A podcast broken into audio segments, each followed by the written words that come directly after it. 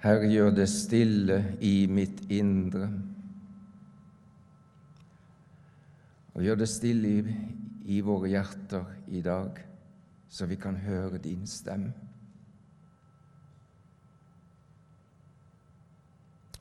Takk for du er, Herre Jesus, midt iblant oss. Det er ditt løfte.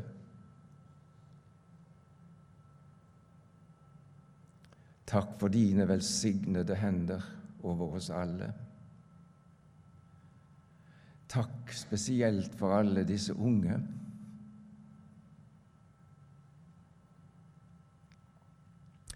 Og takk for alle gamle. Ja, vi takker deg, Jesus, for alt, og først og fremst ditt ord. Hjelp oss, Jesus, å ta imot det i dag. Gjemme det i våre hjerter, grunne på det, gjøre etter det. For ditt ord er en lykt for vår fot og et lys på vår sti. Amen.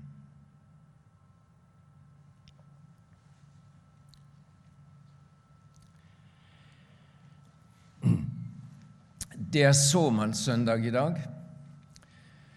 og vi har en lignelse av Jesus som er dagens tekst. Og Denne lignelsen fortalte Jesus oppe ved Genesaretsjøen. Det står i dette kapitlet hvor lignelsen er hentet ifra, kapittel 13 i Matteusevangeliet, at Jesus satte seg ved sjøen, altså Genesaretsjøen, og det samlet seg mye folk omkring ham, så han steg ut i en båt og satte seg der. Og alt folket sto på stranden, og han talte mye til dem i lignelser. Og der, altså ute i båten, antagelig der hvor Hvis vi reiser oppover langs Genesaretsjøens vestbredd, for å si det sånn, nordover så kommer vi til ei bukt som kalles Lignelsesbukten, hvor de mener at Jesus var når han talte denne lignelsen som er dagens tekst. Og Det skal være, være veldig god akustikk der, sånn at du går, sitter i en båt ute på Genesaretsjøen og taler, så hører alt folket der inne på land. Og der i båten der satt Jesus og talte lignelser. Og i kapittel 13 her, hvor dagens tekst er hentet ifra, så brukte Jesus lignelser om såmannen, om ugress i hveten, om sennepskornet, om surdeigen, om skatten i åkeren, om den kostbare perlen, og om noten. Så det var mange lignelser. Og nå skal vi snart lese denne lignelsen om skal vi si Guds hvetekorn eller djevelens ugress. Det var litt høyt, dette her. Litt, litt eh, klang i det. Ja, bremsa det litt ned. Fint. Før vi leser lignelsen, så må jeg fortelle, bare si litt grann av en liten opplevelse som jeg hadde ganske nylig, faktisk på Bybanen. Tok Bybanen til byen her en dag, noen dager siden. Og vi stoppet på et stopp oppe i Fana et sted, og inn kommer det ei litt eldre frue det var helt framme i vogna, dette her. Og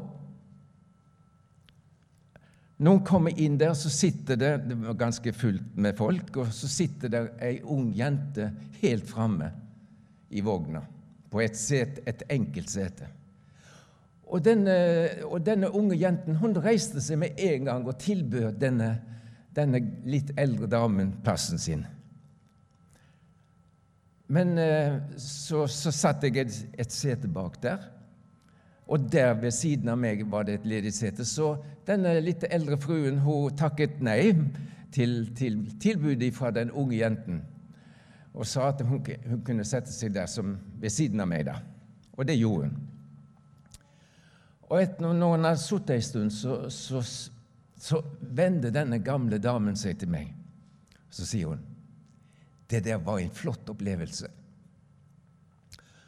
Oppleve denne, denne høfligheten, den altså sagt, ærefrykten som hun opplevde av denne unge jenten. Det er ikke så ofte de reiser seg for gamle folk i dag. Så hun måtte si det til meg. Dette var en flott opplevelse. Ja. Det har noe med ærefrykt og respekt Vet dere, det står faktisk noe i Bibelen om dette her. Om å reise seg for de gamle. Jeg er ikke sikkert du er klar over det, men nå skal jeg lese. Når, når israelsfolket var i ørken, under ørkenvandringen, og de snart skulle innta Kanans land, løfteslandet, på vei fra Egypten og til, til Israel. Og de vandret 40 år i ørkenen, og i tredje Mosebok så gir Gud ved Moses mange sånne forordninger om hvordan israelsfolket skulle leve og sagt, oppføre seg når de kom inn i løfteslandet. Og iblant denne, denne, disse formaningsordene og veiledningene som Gud gav israelsfolket ved Moses, så kan vi bl.a. lese i 3. Mosebok kapittel 19. For de grå hår skal du reise deg og ære den gamle, og du skal frykte din Gud. Jeg er Herren. Vet dere, dette verset står på en del rutebusser i Israel. Plakater.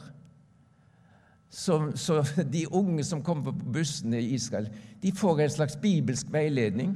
Du må reise deg for de gamle og gi plass for de.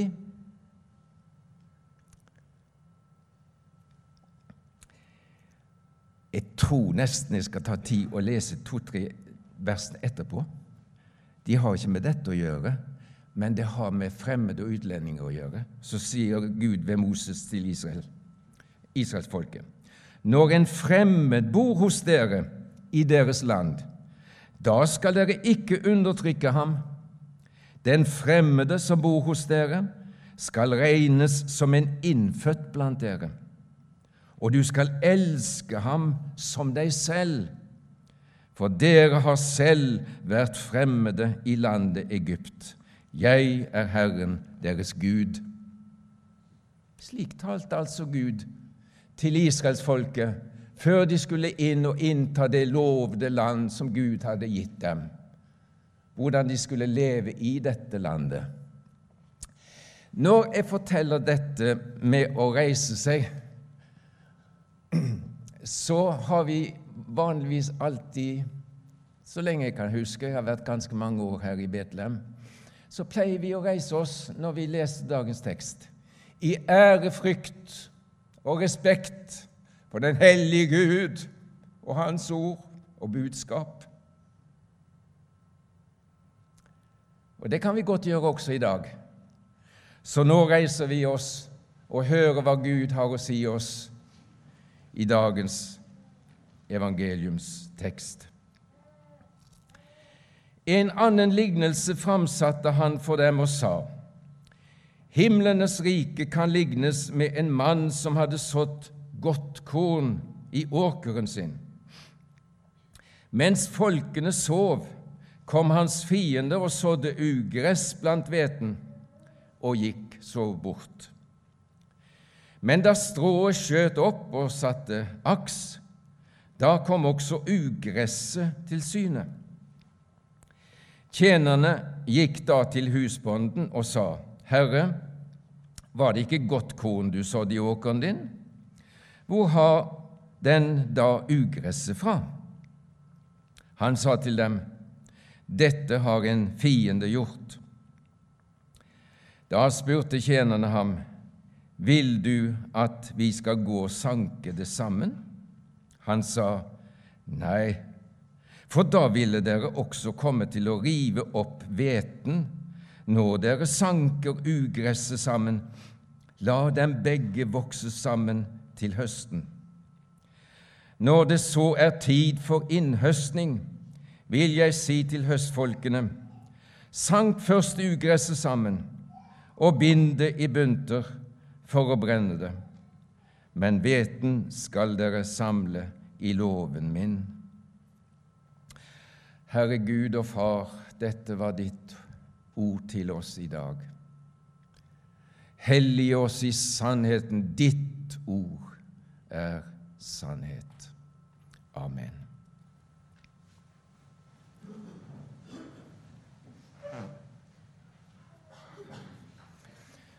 Ja, Jesus fortalte mange lignelser om himlenes rike eller om Guds rike. Og vi tolker nå gjerne disse lignelsene litt forskjellig. Hva er det Jesus ville ha sagt oss? Det tenker vi. Og så blir det litt forskjellige tolkninger, kanskje, fra predikanters side og fra andres side. Hva er det Jesus ville ha sagt oss i dag gjennom denne lignelsen om Guds hvetekorn? Nå er vi faktisk i den heldige stilling i dag at Jesus selv forklarer lignelsen. Like etterpå. Så nå skal vi høre hva egentlig denne lignelsen eh, har å si oss. For når dagen var omme og folket var dratt bort, så går de inn i et hus, og Jesus og hans disipler gikk inn og så sier disiplene til Jesus, 'Du må forklare oss lignelsen om ugress i åkeren.' Og Jesus forklarer den. Så ingen kan si i dag at ikke det er rett forkynnelse, for i dag taler Jesus både en lignelse og forklarer hva den betyr. Må du og han som står her, ta imot det. Jesus forklarer lignelsen slik. Den som sår, er det gode kornet, er menneskesønnen, altså Jesus. Åkeren er verden. Det gode kornet er rikets barn. Ugresset er den ondes barn.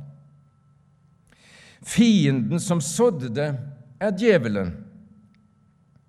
Høsten er enden på denne tidsalder. Høstfolkene er englene. Like som ugresset blir sanket sammen og oppbrent med ild, slik skal det gå ved, verdens, ved, ved enden på denne tidsalder.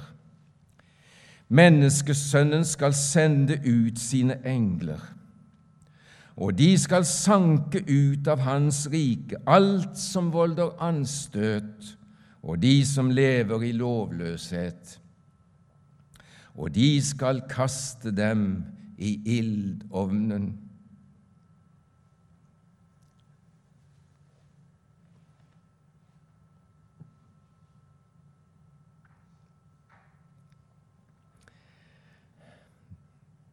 Der skal de gråte og skjære tenner. Da skal de rettferdige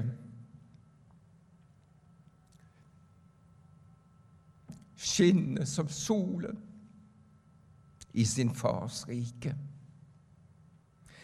Den som har ører, han hører. Det er budskapet fra Jesus til oss i dag.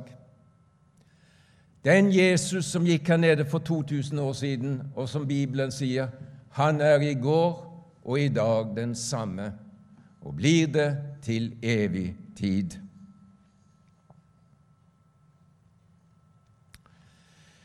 Det dukker fort opp et spørsmål, for min del i alle fall. Og det er spørsmålet hvem er egentlig Ole Abel Sveen? Er han Guds hvetekorn? Eller er jeg djevelens ugress?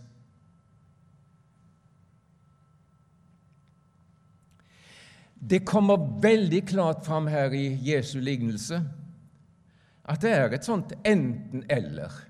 Vi, kan, ikke deles opp i massevis av grupperinger når det gjelder Gud.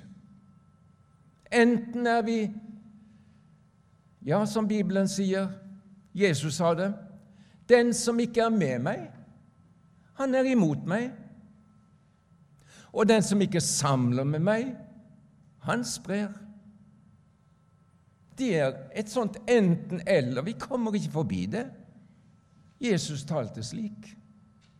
Enten er du Guds gode hvetekorn, for å bli lignelsen, eller så er du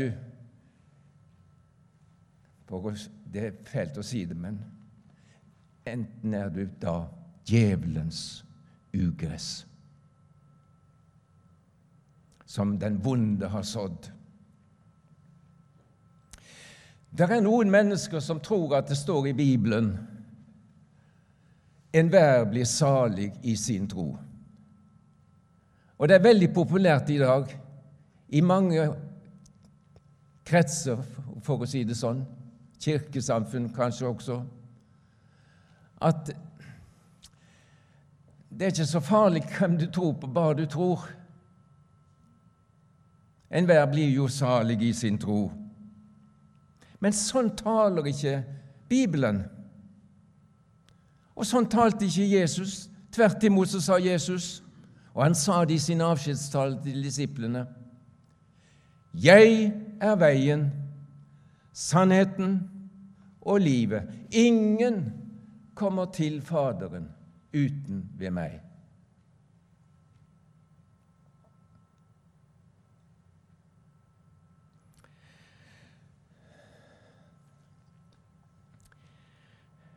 Det som er litt spesielt i denne lignelsen om ugresset i kornåkeren her, det er Skal vi si Denne likheten, på en måte. Likheten mellom hvetekornet og ugresset, for de fleste kommentarene til en sånn lignelse som dette, jeg har lest litt om det, en del kommentarer, de er enige om at Jesus med ugrasbildet sikter til en ugrastype som heter svimling. Og, når, og den, denne svimlingen, den, dette ugrasset som heter svimling, ligner veldig mye på hveteplanten. Men når høsten kommer, så ser man på fargen og på svarte flekker at det er ugress. Svimling er altså et ugress som har stor evne til å flette rotsystemet sitt inn i hveteplanten, såkornets rotsystem, og det blir vanskelig å luke det ut av hveteåkeren uten å skade hveteplanten. Så, så, denne likheten, den, det er ikke for ingenting at Jesus taler om dette og bruker en sånn lignelse om, om, om dette som Altså Det er noen som spør er du religiøs. Ja, noen sier de er religiøse, og noen sier de ikke er religiøse. Men det er forskjell på å være religiøs og å være en kristen. Alle mennesker er religiøse. Alle sammen. Selv de mest hardbarkede ateister og gudsfornektere er religiøse. Og Bibelen sier faktisk at Gud har lagt evigheten ned i hvert eneste menneskehjerte. Men midt i, midt i dette så er det en himmelvid forskjell på kristne og religiøse. Hallesby han en, var en kjent professor, teologisk professor i Norge for noen år siden. Hallesby han sa det slik Å være religiøs er å ordne sitt gudsforhold selv. Å være en kristen er å la Gud ordne det som han vil. Og en veldig kjent person som levde på Luthers tid, altså på rundt 1500-tallet, som var en god medarbeider til Luther, han het Melanchthon. Det var en, en kolossalt dyktig mann. Liten og spedbygd, men han var så klok. Bare 13 år gammel ble han student, og 15 år gammel gav han visst ut et, en gresk grammatikk. Og 21 år gammel ble han professor ved Wittenberg i teologi. Han var Luthers gode medarbeider og hjalp veldig mye Luther i den striden han sto. Vi er på 1500-tallet nå. Og denne Melanchthon han sier noe viselig ord om dette som vi nå snakker om. Han sier det sånn Kirken er ikke alle døpte, men de døpte som lever troens liv og har Den hellige ånd.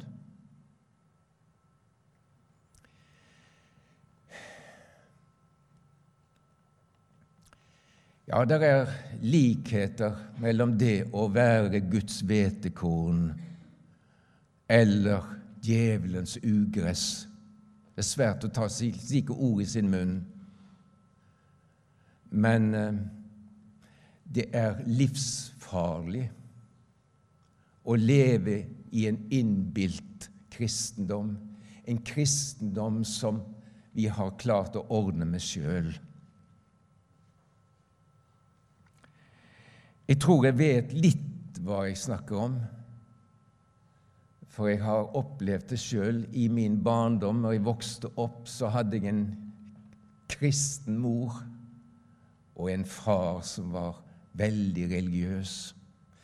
Men jeg var ikke gamle karen før jeg opplevde det var stor forskjell på fars og mors kristendom. Far kunne ordne opp i dette sjøl. Han var egentlig alltid ovenpå, også i sitt forhold til Gud. Slik opplevde vi han. Mens mor var en som hadde bruk for Jesus, som var frelst av nåde, og som trodde på Jesus og hans frelse. Jeg husker en kveld det var etter en øvelse i musikklaget. Da går far fram og sier, 'Jeg har lovt kona mi at jeg skal avslutte øvelsen i kveld.' Og jeg kvakk til. Jeg ser ennå hvor jeg sitter. Vi, vi var på den gamle skolestuen vår. Jeg ble helt sjokkert, for dette var noe nytt for meg og far som alltid hadde ordene i sin makt. Han sto der framme ved den svarte tavlen og stotret fram noen nødrop.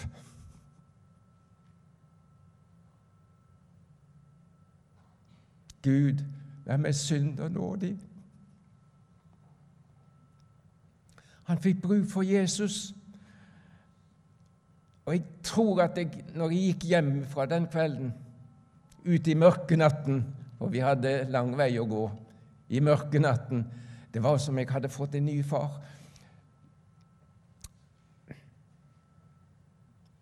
For han var blitt Guds hvetekorn. Han var ikke bare religiøs lenger.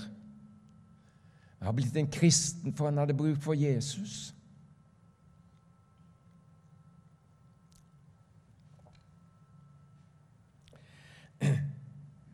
Vi har mange lignelser om denne saken her i Bibelen.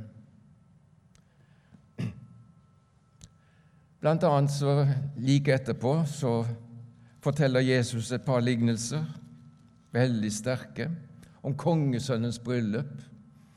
Sendte bud ut, og folket kom til bryllup. Og så var det vanlig at når sånne store folk innbød til bryllup, så sendte de faktisk bryllupsklær med til de som var innbudt, sånn at de kunne, kunne sagt, ha, ha adgangstegn til bryllupet. Og så var det en mann som var kommet inn i bryllupssalen uten bryllupskledning. Og Så kom kongen inn og så spør venn, hvordan er du kommet inn her uten bryllupsklær? Og mannen tier. Så sier kongen til tjenerne, kast han utenfor. Mange er kalt, få utvalgt. Hva er bryllupskledningen et bilde på? Jo, det er bilde på den, den drakten som er så yndig og så prud som skjuler syndene for Gud. Den drakten som et brudeskaren bærer på. Den som Jesus kjøpte oss til, til oss ved sin død oppstandelse. Vi har også denne lignelsen i Matteus 25 om de ti brudejomfruene, og fem hadde ikke olje på lampen. Og lampene ville ikke lyse. Og når brudgommen kom, de hadde gått ut for å møte brudgommen, så var det bare de som hadde lysende oljelamper, som ble med inn til bryllupet. Og døren ble lukket. Og når de fem dårlige jomfruene kom, så var døren lukket, og de fikk ikke komme inn. Det var en prest inne i Oslo som i høst hadde denne eh, Matteus 25 som prekentekst. Og vedkommende prest skal ha sagt, ifølge avisene, at denne teksten det var en stygg tekst. Ja, ja, er det vi som skal avgjøre hva som er rett og galt i Bibelen? Hva vi skal holde for sant og ikke? Jeg våger iallfall ikke det.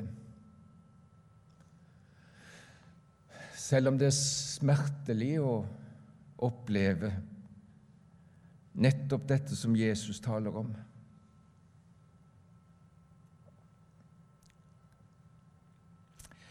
Men la meg få lov å si litt nå om den, dette gode såkornet.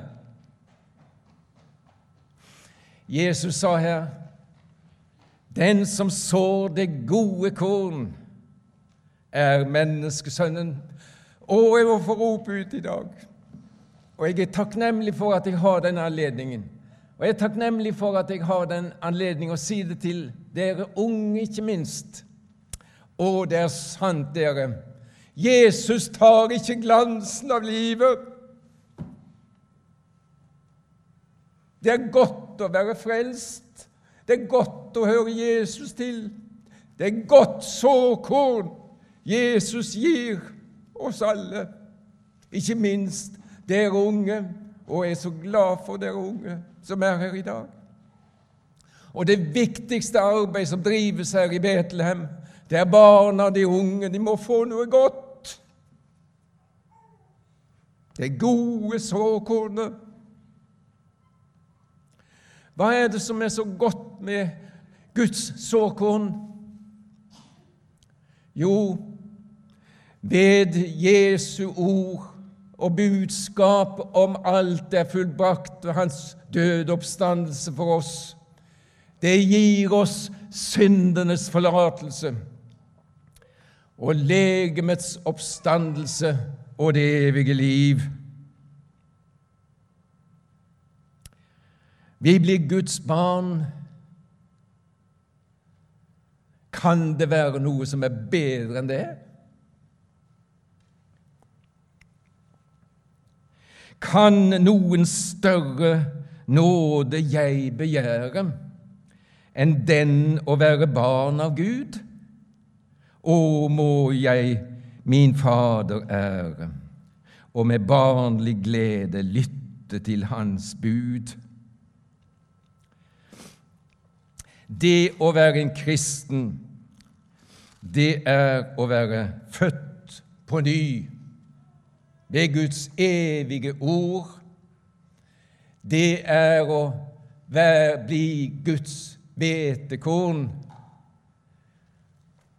slik det står i 1. Peters brev. Dere er gjenfødt, ikke av forgjengelig, men uforgjengelig sæd ved Guds ord, som lever og blir. Og Herrens ord blir til evig tid. Og dette er det ord som er blitt forkynt dere ved evangeliet. Vi får Guds ånd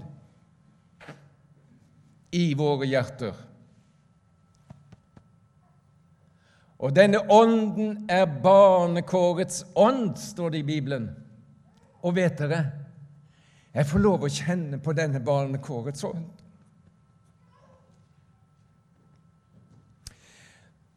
Jeg får lov å rope til Gud, min far.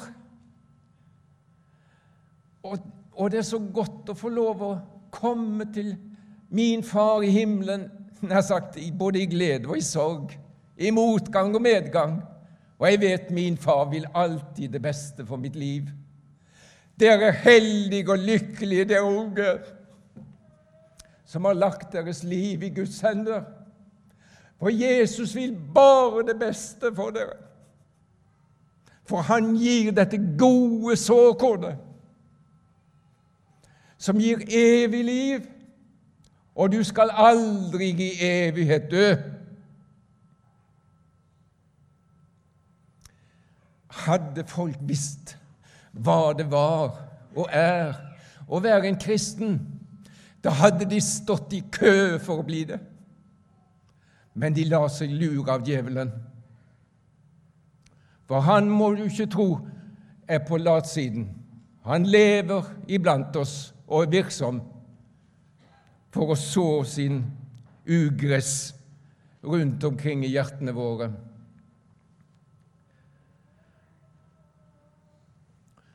Og vi kunne vel antagelig brukt en tid på å snakke om djevelens ugress, og det er mye av det. Men det er ikke særlig oppbyggelig. Jeg tror rett og slett ikke jeg skal gjøre det heller. Men Jesus taler om han djevelen som en tyv, som kommer for å stjele og myrde og ødelegge. Og så kommer han inn i alle disse kanalene som vi opplever i dag gjennom media og alt mulig, Presser seg inn i vår sjelsliv. Og det ser så fint og godt ut, mye av det, men det tar plassen for Guds gode sæd i ditt og mitt hjerte. Vi skulle heller bruke ordets makt og gi nøye akt på hjertet hvor det vanker Lære å holde hellig vakt over våre tanker. En tanke som til hjertet kom, og som man titt lot råde, har så titt gjort sjelen tom for Guds dyre nåde.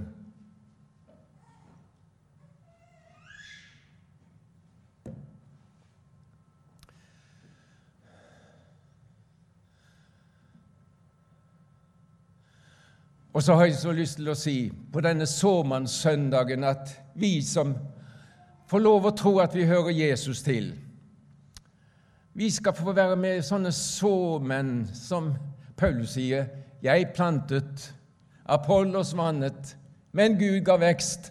Nå er det mange barn som er på søndagsskolen nå, her oppe et eller annet sted. Og her sitter mange unge, og vi kommer i kontakt med, med så mange, mange som som vi kan få lov å så noe godt til, noe ifra Jesus. Og må vi være flittige såmenn og så Guds gode sæd. Jeg har bedt om å få lov å være sendebud i Kristi sted i dag. Jeg skulle få lov til å være det. Så ved alle vann, står det om i Bibelen. Og hvor det er viktig å så det gode kornet, Jesus-kornet, evangeliet, det gode budskapet om Jesus, som døde på korset for at du ikke skulle dø, men leve evig. Det var derfor han kom.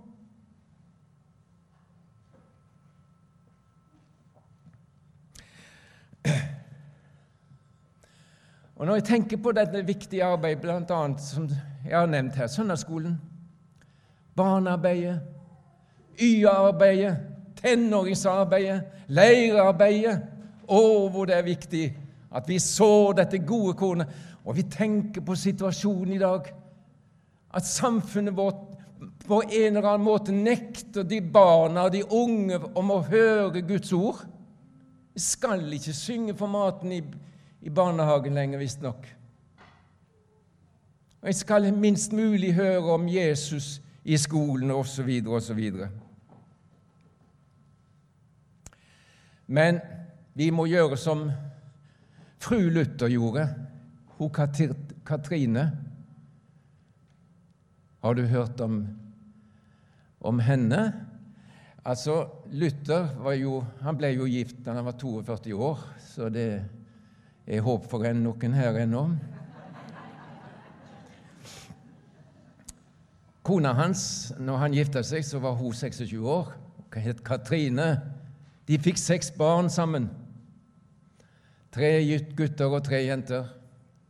To av jentene de døde ganske tidlig. Men familien Luther, altså foreldrene, og spesielt kona hun ble, for de, de hadde så kjekk, veldig kjekke barn, veloppdragne barn. Og de, de spurte hun, Katrine hvordan har det seg at dere har sånne kjekke, veloppdragne barn. Så svarer hun, Katrine, vi må komme djevelen i forkjøpet. Nettopp. Å, hvor djevelen er ute etter barna og de unge i dag. Han ønsker å så ugress i barnehjertene og i våres hjerter, alle sammen som er her. Og han er i full virksomhet, for han har dårlig tid. Men vi må komme han i forkjøpet. Vi må gå til Jesus, høre og ta imot livets ord.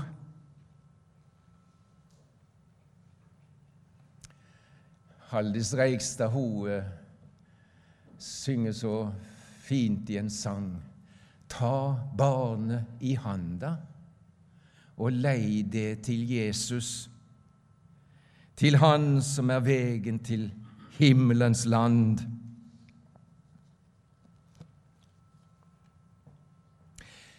Og så skriver hun slik Eit barn er ei plante i Meisterens hage. De spede små spirer må vekse og gro. La lyset ditt skine, så bona ser Jesus.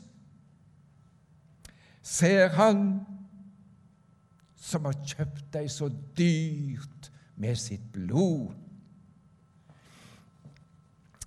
Jeg snakket med disse som eh, leder her i dag, om jeg kanskje kunne få eh, synge denne sangen til slutt. Og det ga de meg lov til. Jeg må nesten kikke litt på klokken, for de har en sånn streng timeplan her. Men jeg har fått løfte om at det er ikke så farlig likevel. Det sa han som er sjefen for disse unge, som sitter der. Så hvis det går litt over tidstabellen, så, så er ikke det så farlig likevel. Nei, han nikker. Ja, flott. Men altså, budskapet var dette.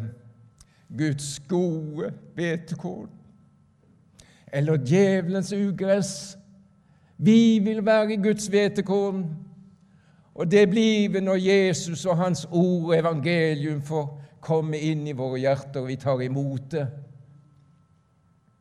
Og ikke lar oss lure av djevelens listige angrep og alt det han sår iblant oss i dag.